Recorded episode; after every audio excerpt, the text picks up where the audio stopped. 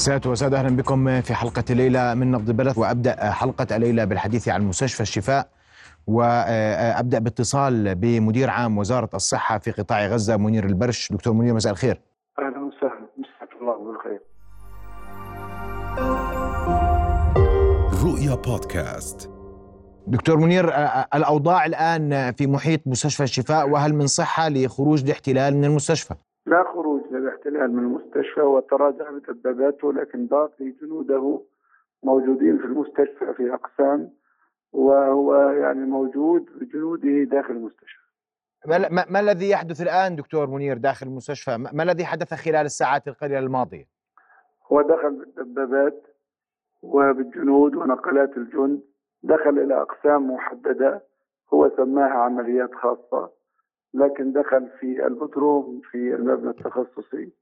للأسف الشديد يعني آه، هو فجر أجهزة ال scan وجهاز ال MRI الوحيد آه، فجره أيضا. وهذه خسارة كبيرة جدا لل- للعمل الصحي في غزة. وانتقام من الأجهزة التي تستخدم لعلاج المرضى. وكان يبحث عن أشياء وعلى انه لم يجد شيء قلنا تكرارا ومرارا ان المستشفى مدني لا يوجد فيه أي شيء لا يوجد له فيه مظاهر مسلحة. لو كان هناك أي مظاهر مسلحة لما استطاع أن يترجل بجنوده ويبقى في المستشفى حتى اللحظة وهو موجود في المستشفى. اذا كل ادعاءاته هي باطلة وكاذبة ولا ولا ولا يعني دعوة ل- لهذه الادعاءات الباطلة. دكتور منير ما حال الطاقم الطبي الآن الموجود في المستشفى؟ هل هل في تواصل بينكم وبينه الآن؟ الطواقم الصحية متفرقة على الأقسام والمباني الخرسانية ولا يوجد تواصل بيننا وبينهم آه، مقطعة الأوصال انقطع الاتصال؟ نعم هل هناك معلومات عن حال المرضى في المستشفى دكتور منير؟ حال المرضى كما هم يعني نحن نقوم بخدمتهم ما نستطيع إليه سبيلا. لكن حالة الذعر والخوف الذي سببه اقتحام الاحتلال للمستشفى يعني الأطفال هرعوا وخافوا النساء كبار السن هذه يعني آه، حرمة للمستشفى هو كسر هذه الحرمة وكسر القوانين الدولية وكسر الاتفاقيات والاحتلال لا يأبه. بأحد في الدنيا هو يفعل ما يريد ويتبجح ويقول بالرغم من المطالبات الدولية بعدم دخول المستشفى أنا دخلت مستشفى الشفاء ليرسم يعني نصر وهمي له أن يجد شيئا. خرجوا من المستشفى والمستشفى فارغ ولا يوجد فيه شيء. والدبابات غادرت ساحة المستشفى وباتت فقط في محيطه صحيح؟ الدبابات على بوابة المستشفى. نعم. والجنود لا زالوا داخل المستشفى. والجنود داخل المستشفى نعم.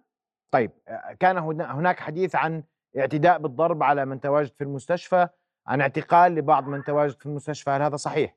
تم احتجاز العديد من المرضى وخاصة مرضى غسيل الكلى. تم آه، خلع ملابسهم وخاصة الممرضين. آه، تم اعتقال أيضا اثنين من مهندسين الصيانة في داخل المستشفى. تم اعتقالهم؟ نعم. آه، طيب آه، اسمح لي آه، هناك كان حديث عن تقديم آه، آه، آه، مواد صحية وعلاجات للمستشفى عند دخول الاحتلال هذا صحيح؟ أم أنها مجرد ادعاءات كاذبة؟ الاحتلال يدعي ادعاءات كاذبة دائما أحضر معه بعض المواد الإغاثية البسيطة آه، لكي يعني آه، يوهم العالم أنه يقوم بمساعدتنا. وأحضر معه ثلاث أجهزة من الحضانات وأنا عبارة عن قطع حديد لا تساوي شيئا بدون الكهرب لأنه لا يوجد كهرب أصلا في المستشفى حتى نشغل هذه القطع. هو يريد يعني تبييض وجهه الأسود آه، بإعطاء يعني صورة معينة أنه بيده آه، لمسة إنسانية. هذه اللمسة الإنسانية جعلته يفجر أجهزة بملايين الدولارات جهاز ال MRI وال CT scan نعم. دكتور منير آه، وأنت تقول فقدتم الاتصال والحديث أن غزة كلها سيفقد معها الاتصال خلال الساعات القادمة. وكان في حديث عن مفاوضات لإدخال وقود للمستشفى. هل تم إدخال وقود لمستشفى شفاء؟ لم يدخل وقود لا وقود ولا مواد صحية ولا مواد طبية.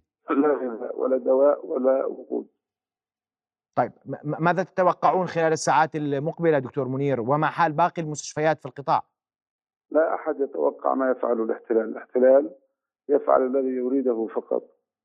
يريد أن يفعل مجزرة في الشفاء يريد أن يقتل النساء الرجال الأطفال يفعل. ولا أحد رادع له حال باقي المستشفيات في قطاع غزة؟ كل الم... أغلب المستشفيات خلال ال 24 ساعة المتبقية كانت لابد أن تنهي الوقود من داخلها. هذا ما يحصل الآن وستقف جميع الخدمات في المستشفيات. في شمال غزة فقط وغزة لا يعمل إلا المستشفى المعمداني وبقية المستشفيات يعني آه، لا تعمل إلا بالحد الأدنى لتقديم الخدمة.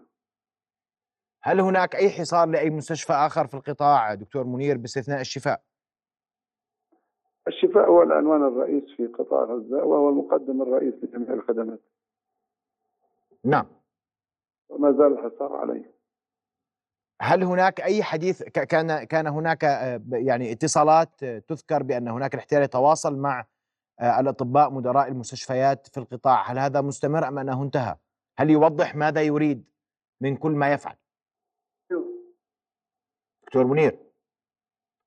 نعم فقدنا اتصال بدكتور منير البرش مدير عام وزارة الصحة في قطاع غزة وأكد أن دكتور منير أوضح بأن قوات الاحتلال لم تغادر آه، مستشفى الشفاء وأن دباباته لا تزال في محيط المستشفى وعلى بوابات المستشفى. آه، ذكر أن لا صحة لإدخال أي وقود لمستشفى الشفاء وأيضا آه، المواد الطبية لم تدخل المستشفى من قبل قوات الاحتلال عكس ما حاول أن يصور جيش الاحتلال عند دخوله مستشفى الشفاء. أكد أنه تم اعتقال مهندسين من المستشفى وأنه تم التعامل مع مرضى الكلى بأسلوب غير لائق إنسانيا عادة الاحتلال لن تتغير. آه، سأبدأ في الحديث حول هذا الموضوع. أيضا مع ضيوفي الليلة دكتور زياد الزعبي نقيب الأطباء. مساء الخير دكتور زياد. مساء النور أهلا أهلا بك. أيضا أرحب بالمهندس سري زعيتر الناشط النقابي والسياسي. مساء الخير دكتور وسهلا. مهندس سري أهلا بك.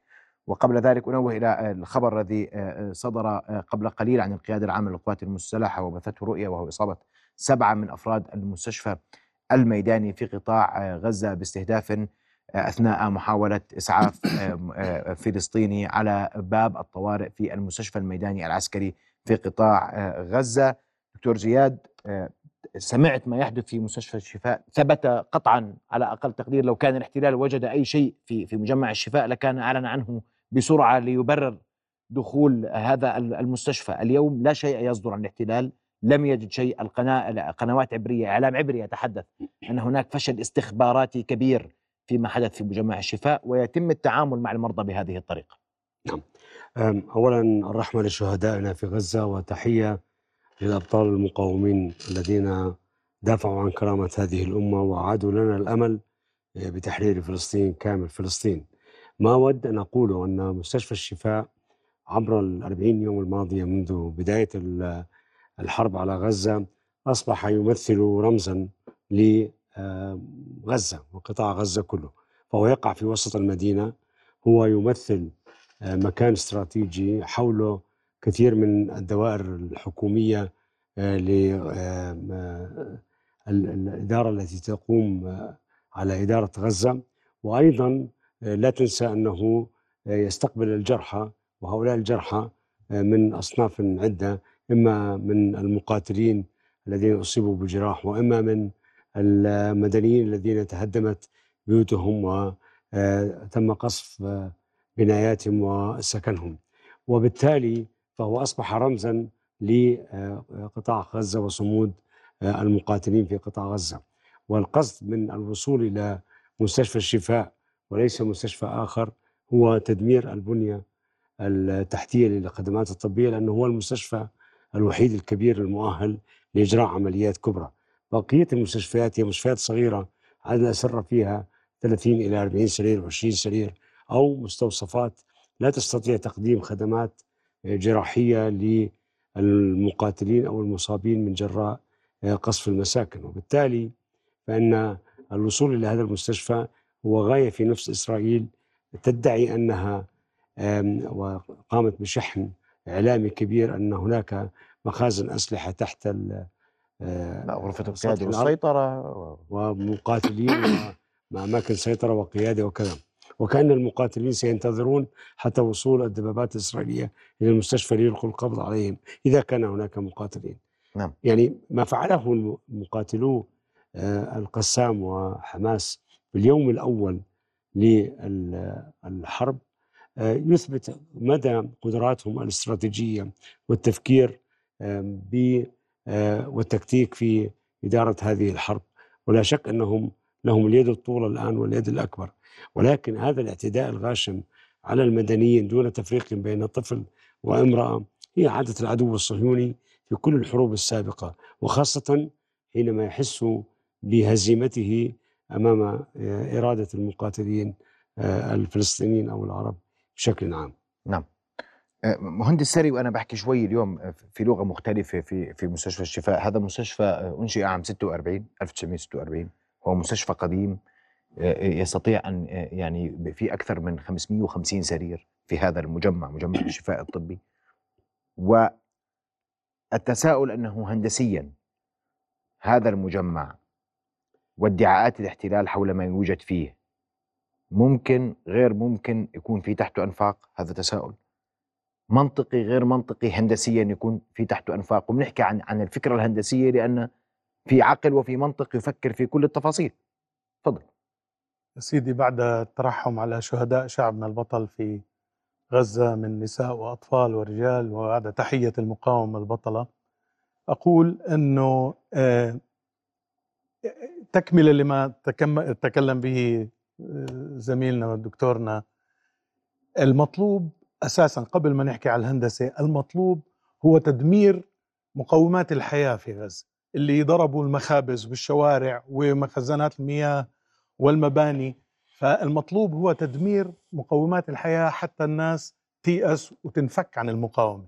فطلعوا بهاي الإشاعة الغبية فعلا لأنه أنت في مجمع كبير موجود. المستشفيات دكتور بيعرف يمكن إلها إلها آه، متطلبات خاصة. في عندك آه، طوابق تحت الأرض. أقسام للصيانة في عندك آه، أقسام للكهرباء والميكانيك والطاقة والأكسجين والكذا وهذا كله آه، مربوط في بعضه خصوصا إنه في عدة مباني موجودة. ف وأساساته مفروض مصممة كمان بطريقة خاصة لتتحمل آه، الزلازل وغيرها. فصعب جدا أنا برأيي ومش محتاج المقاومة إنها تعمل أنفاق تحت مستشفى. بدليل إنه كل المستشفيات اللي شافوها طلع كل ادعاءاتهم كاذبة. فما والساحة موجودة. لو إنهم بدهم يبنوا أنفاق ما كان تسرب الخبر وكان بين. ف وهم هلأ فتشوا فتشوا كل البيسمنتس وكل التساوي وكل المناطق. لكن هم تصويرهم الإعلامي الكاذب لما بيشوفوا حفرة المصعد بقول لك هاي مدخل آه، مدخل نفق.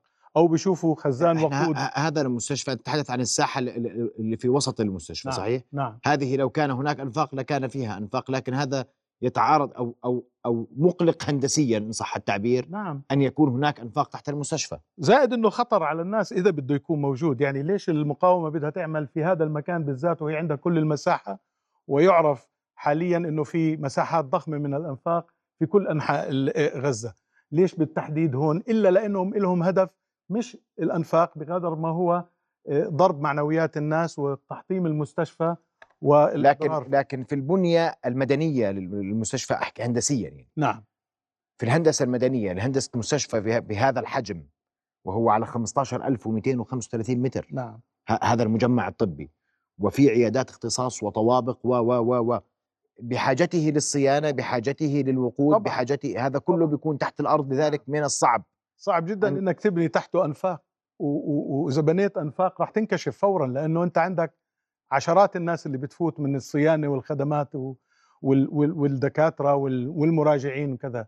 فالموضوع موضوع سخيف أنا برأيي وانكشفت كذبة الصهاينة في هذا الموضوع. إذا سمحت لي تفضل دكتور لأنه بدي حرجع في في في, آه، في التركيب يعني تفضل. لدي خبرة خاصة في تصميم المستشفيات آه، في الإمارات. آه، المستشفى يجب يعني حتى لو كان بني في منطقة مفتوحة صحراء في مدينة وفي قطعة أرض كبيرة جدا. وحتى لو كان من طابق واحد يجب أن يكون هناك طوابق تحت الأرض.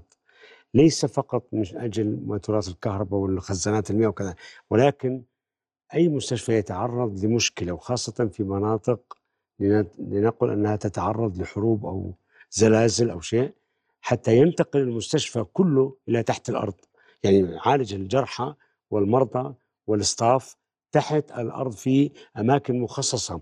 وفي كل مستشفى ها يوضع خطة لكيفية إنزال المرضى بالسرعه الممكنة إلى طابق اللي تحت الأرض. واحيانا يكون طابق تسوية واحد أو اثنين أو ثلاث يستخدم في الأوقات الحال يعني التي ليس فيها حرب ولا ولا هجوم ولا شيء. يستخدم ك كرجال كباركينج كمستودعات ككذا. لكن في وقت الحروب تستخدم هذه لعلاج الجرحى لتجنب القصف أنت أنت ذكرت بوضوح دكتور إنه عندك خبرة في بناء المستشفيات، اليوم بتقول لي ما في مستشفى حتى لو كان في الصحراء نعم لازم يكون في طوابق تحت الأرض. آه. ولكن في خدمات ف... لكن لكن في فارق بين أنفاق وبين طوابق تحت الأرض. صحيح. الطوابق هذه تقدم خدمات. جزء منها كما ذكر المهندس سري اللي هي ماتورات الكهرباء وخزانات المياه وخزانات الأكسجين وخزانات الوضع ومستودعات الأدوية وجزء آخر يترك فراغ يستغل كباركينج أو ككراج ولكن في وقت يغلق ويصبح هو تنزل أسرة المستشفى ولكن ليس بظهور الأسرة لتروليات على المرضى ويجب أن يكون له منفذ إلى خارج المستشفى إلى ساحة المستشفى بحيث يأتي الجرحى يحملوهم إلى أو المرضى إلى الطابق حين يصاب الطابق العلوي بقذائف أو من الممكن أن يتعرض إلى قذائف. وأنت تعرف إنه مثلا المستشفيات الأخرى آه، خرجت عن الخدمة فلم يبقى إلا هذا المستشفى. ولكن أنا بعتقد كما ذكر المهندس رمزية هذا المستشفى للمقاومة جعلهم يتحدثون عن لكن هو إسرائيل خطتها ماذا؟ خطتها من لم يمت بالقذيفة أو بهدم مبنى عليه أن يموت بقلة العلاج أو بانعدام العلاج. الجريح إذا ما عولج بعضهم إذا ما عولج خلال عشر دقائق يفقد حياته وإذا ما عولج خلال ساعة قد يفقد حياته وإذا بقي سيبقى معه مضاعفات تحتاج إلى أشهر وأسابيع حتى نستطيع علاجه وأعطيك مثال مثلا إذا قذيفه أصابت كسر في الفخذ مثلا ومفتوح الكسر هذا إذا ما ثبت فورا يمكن أن يؤذي الشريان وبالتالي يؤدي إلى غرغرينة نعم. والقضية الأهم والتي يجب أن يتنبه لها ويفهمها الناس هي نوعية الأسلحة التي تطورت في السنوات الأخيرة لدى العدو الصهيوني. على سبيل المثال وأعطيك مثال واحد من تجربتي السابقه في لبنان. سنة 1982 طور نوع من السلاح عبارة عن رصاصة صغيرة بحجم حبة العدس. عندما تدخل إلى آه، عظم إلى منطقة الفخذ تنشر سموم تسبب انقباض شديد جدا نعم. في شريان الفخذي ويؤدي ثاني يوم وما اكتشفناه إلا بعد. ما فقدنا سيقان بعض المقاتلين. نعم. ونسالي سأعود لك لكن قبل ذلك نوه إلى أن آه، وزارة الخارجية أصدرت بيان قبل آه، قليل أكدت فيه أن الأردن يدين بأشد العبارات القصف في محيط المستشفى الميداني الأردني في غزة الذي أدى إلى إصابة سبعة من كوادر المستشفى خلال محاولتهم إسعاف مواطنين فلسطينيين آه، كانوا أصيبوا خلال آه، قصف الاحتلال ونقل ونقله ونقلهم مواطنون فلسطينيون إلى قسم الطوارئ في المستشفى. الناطق الرسمي باسم الوزارة أكد أن تعريض إسرائيل المستشفى وطواقمه للخطر خلال آه، قصفها الأشقاء الفلسطينيين جريمة مرفوضة ومدانة تمثل خرقا واضحا للقانون الدولي. وقال أن الحكومة الأردنية تحمل قوات الاحتلال المسؤولية الكاملة عن تعريض حياة الطواقم الطبية الأردنية للخطر.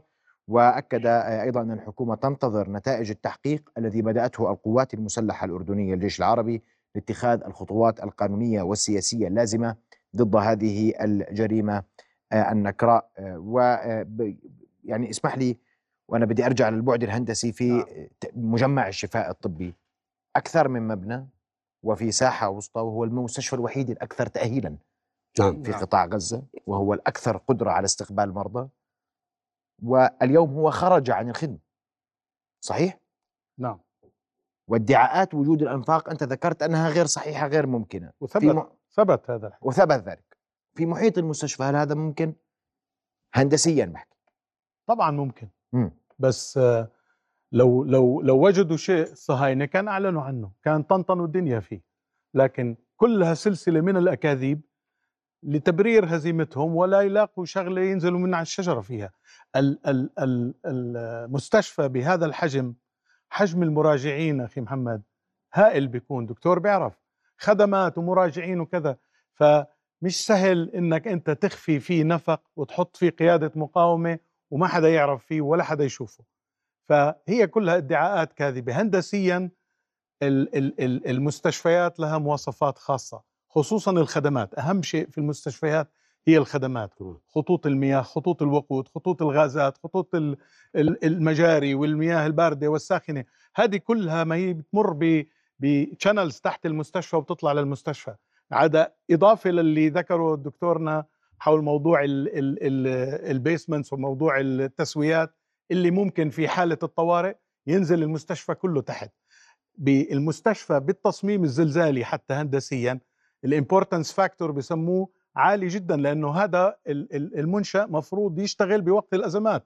لما كل الناس تكون مضروبة المستشفى لازم يشتغل حتى يستقبل الحالات. فالموضوع كله على بعضه برأيي مش صحيح ودعاية كاذبة وثبتت وثبت ذلك. نعم. أخ محمد ممكن أعلق على البيان؟ اسمح لي سأسمع تعليق لك أنا بحكي عن جغرافية وطبوغرافيه غزة. نعم. وهذا كان تساؤل مهم إنه بناء الأنفاق في في في في موقع في, في مدينة غزة وتحت مدينة غزة قد يكون أكثر تعقيدا لأن مجمع الشفاء محاط بكثير من الأحياء السكنية المكتظة. نعم. صحيح؟ نعم. نعم. يعني صحيح. يعني أمر صعب. صعب إنك تخفيه. م. يعني كيف بدك تخفيه؟ وكل الناس حواليك ورايحين وجايين وهذا مستشفى. هذا مكان عام. يعني يعني مش بناية اللي تتحكم في الداخل والخارج فيها. هذا يؤم آلاف الناس للاستشفاء وللمراجعة وللعيادات. فصعب جدا أنك تبنيه هندسيا تحت مستشفى قائم بدون ما يبين بدون ما ينعرف. والدليل إنه ما في شيء. لأنه قائم من 46 طبعا. مش مستشفى حديث حتى أكون أنا والله وبالتالي البنية التحتية. وبالتالي آه بترتب البنية التحتية بدك تضرب أساساته. إذا بدك تشتغل وهو قائم. وهذا علم معقد جدا إنك تبني أنفاق تحت مباني قائمة. يعني صعب جدا ما أظن موجوده هاي التكنولوجيا في منطقتنا كلها حتى.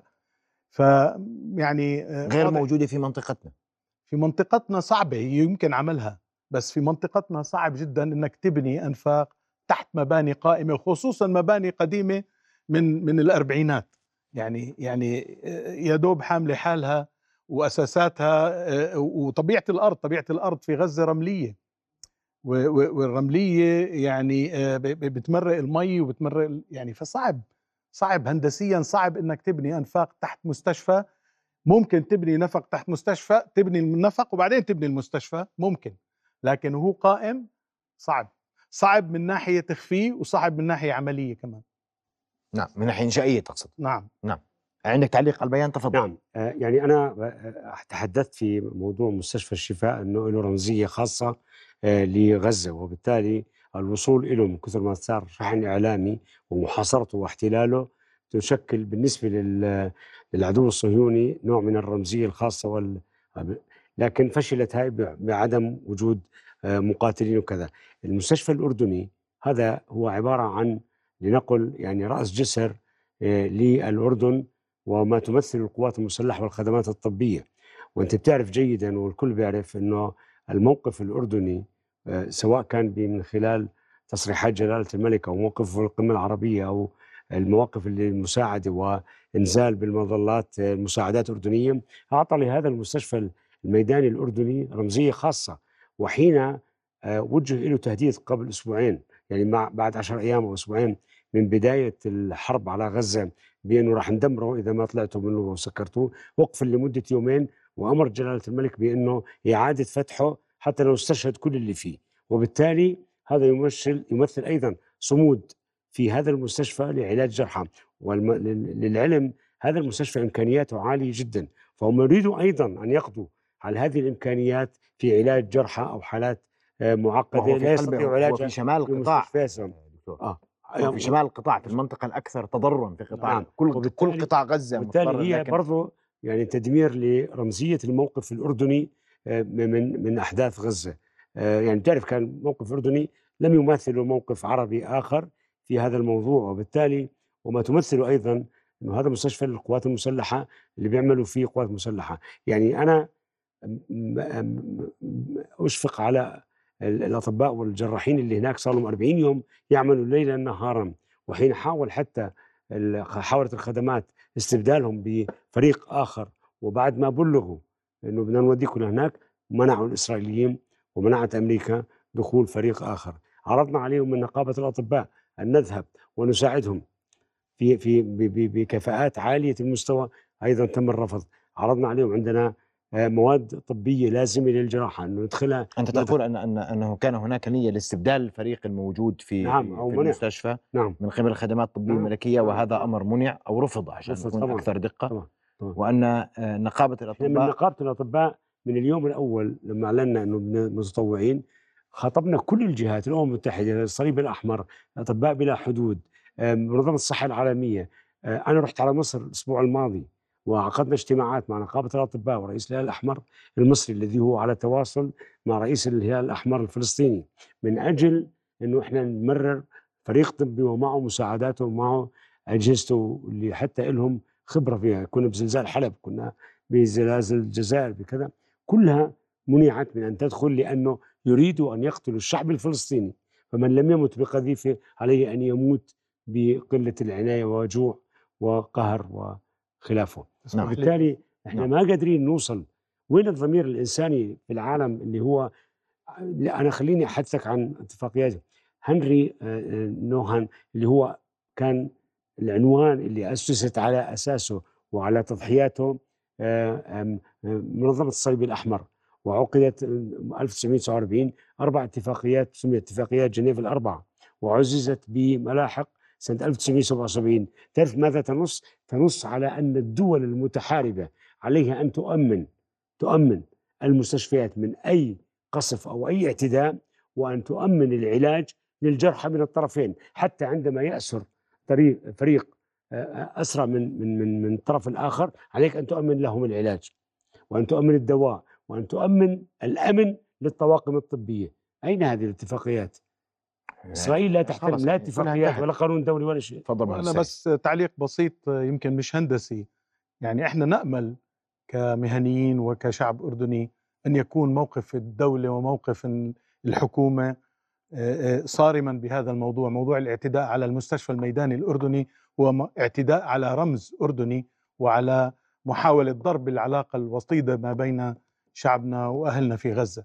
ونأمل أن يكون ذلك يعني موضوع جدي تماما ويتم إخذ الإجراءات فيه. الموضوع الثاني اللي بدي أحكي فيه تكملة للي حكاه الدكتور إحنا نقابة المهندسين أيضا أبدت استعدادها وعندها فرق جاهزة من الاعتداء اللي قبله. مئات المهندسين المختصين في موضوع التقييم وموضوع نعم. تأهيل المباني مستعدين فورا في اللحظة اللي بنفتح فيها المجال إنه نروح على غزة وكل شيء هدم سوف يعاد بناؤه. تطوعات المهندسين المهندسين الأردنيين متطوعين بالمئات وكلهم خبراء. نعم. آه، دكتور زياد آه، إذا عندك اليوم يعني في ظل الظروف اللي بيشتغلوا فيها الطواقم الطبية في غزة وهي ظروف لا إنسانية وهم بيعانوا يعني آه، ماذا يعني أن يتم علاج مريض دون بنج بلا إضاءة بلا وقود بلا بلا, بلا مياه بلا غذاء؟ مستشفى الشفاء منذ خمس أيام. شوف أنا بدي أحكي كلمتين. الإنسان الغزي سواء كان رجل أو امرأة إنسان جبار. نعم.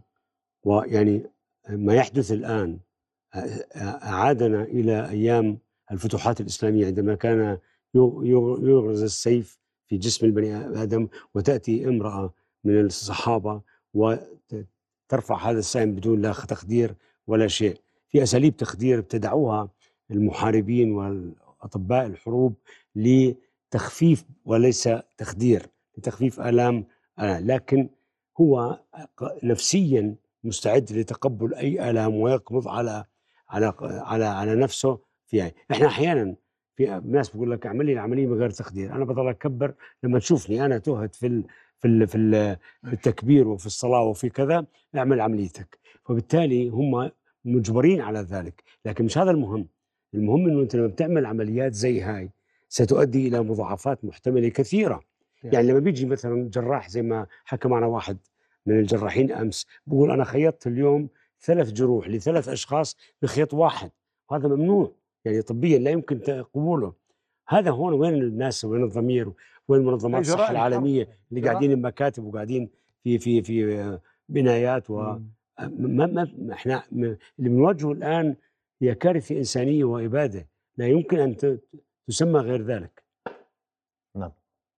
واضح جدا دكتور زياد أعان الله الطواقم الطبية في قطاع غزة وأعان الله أبناء غزة والحقيقة تكشف والحقيقة كشفت اليوم ولا وجود ولا صحة لوجود لا أنفاق ولا مركز عمليات وسيطرة ولا وجود للسنوار.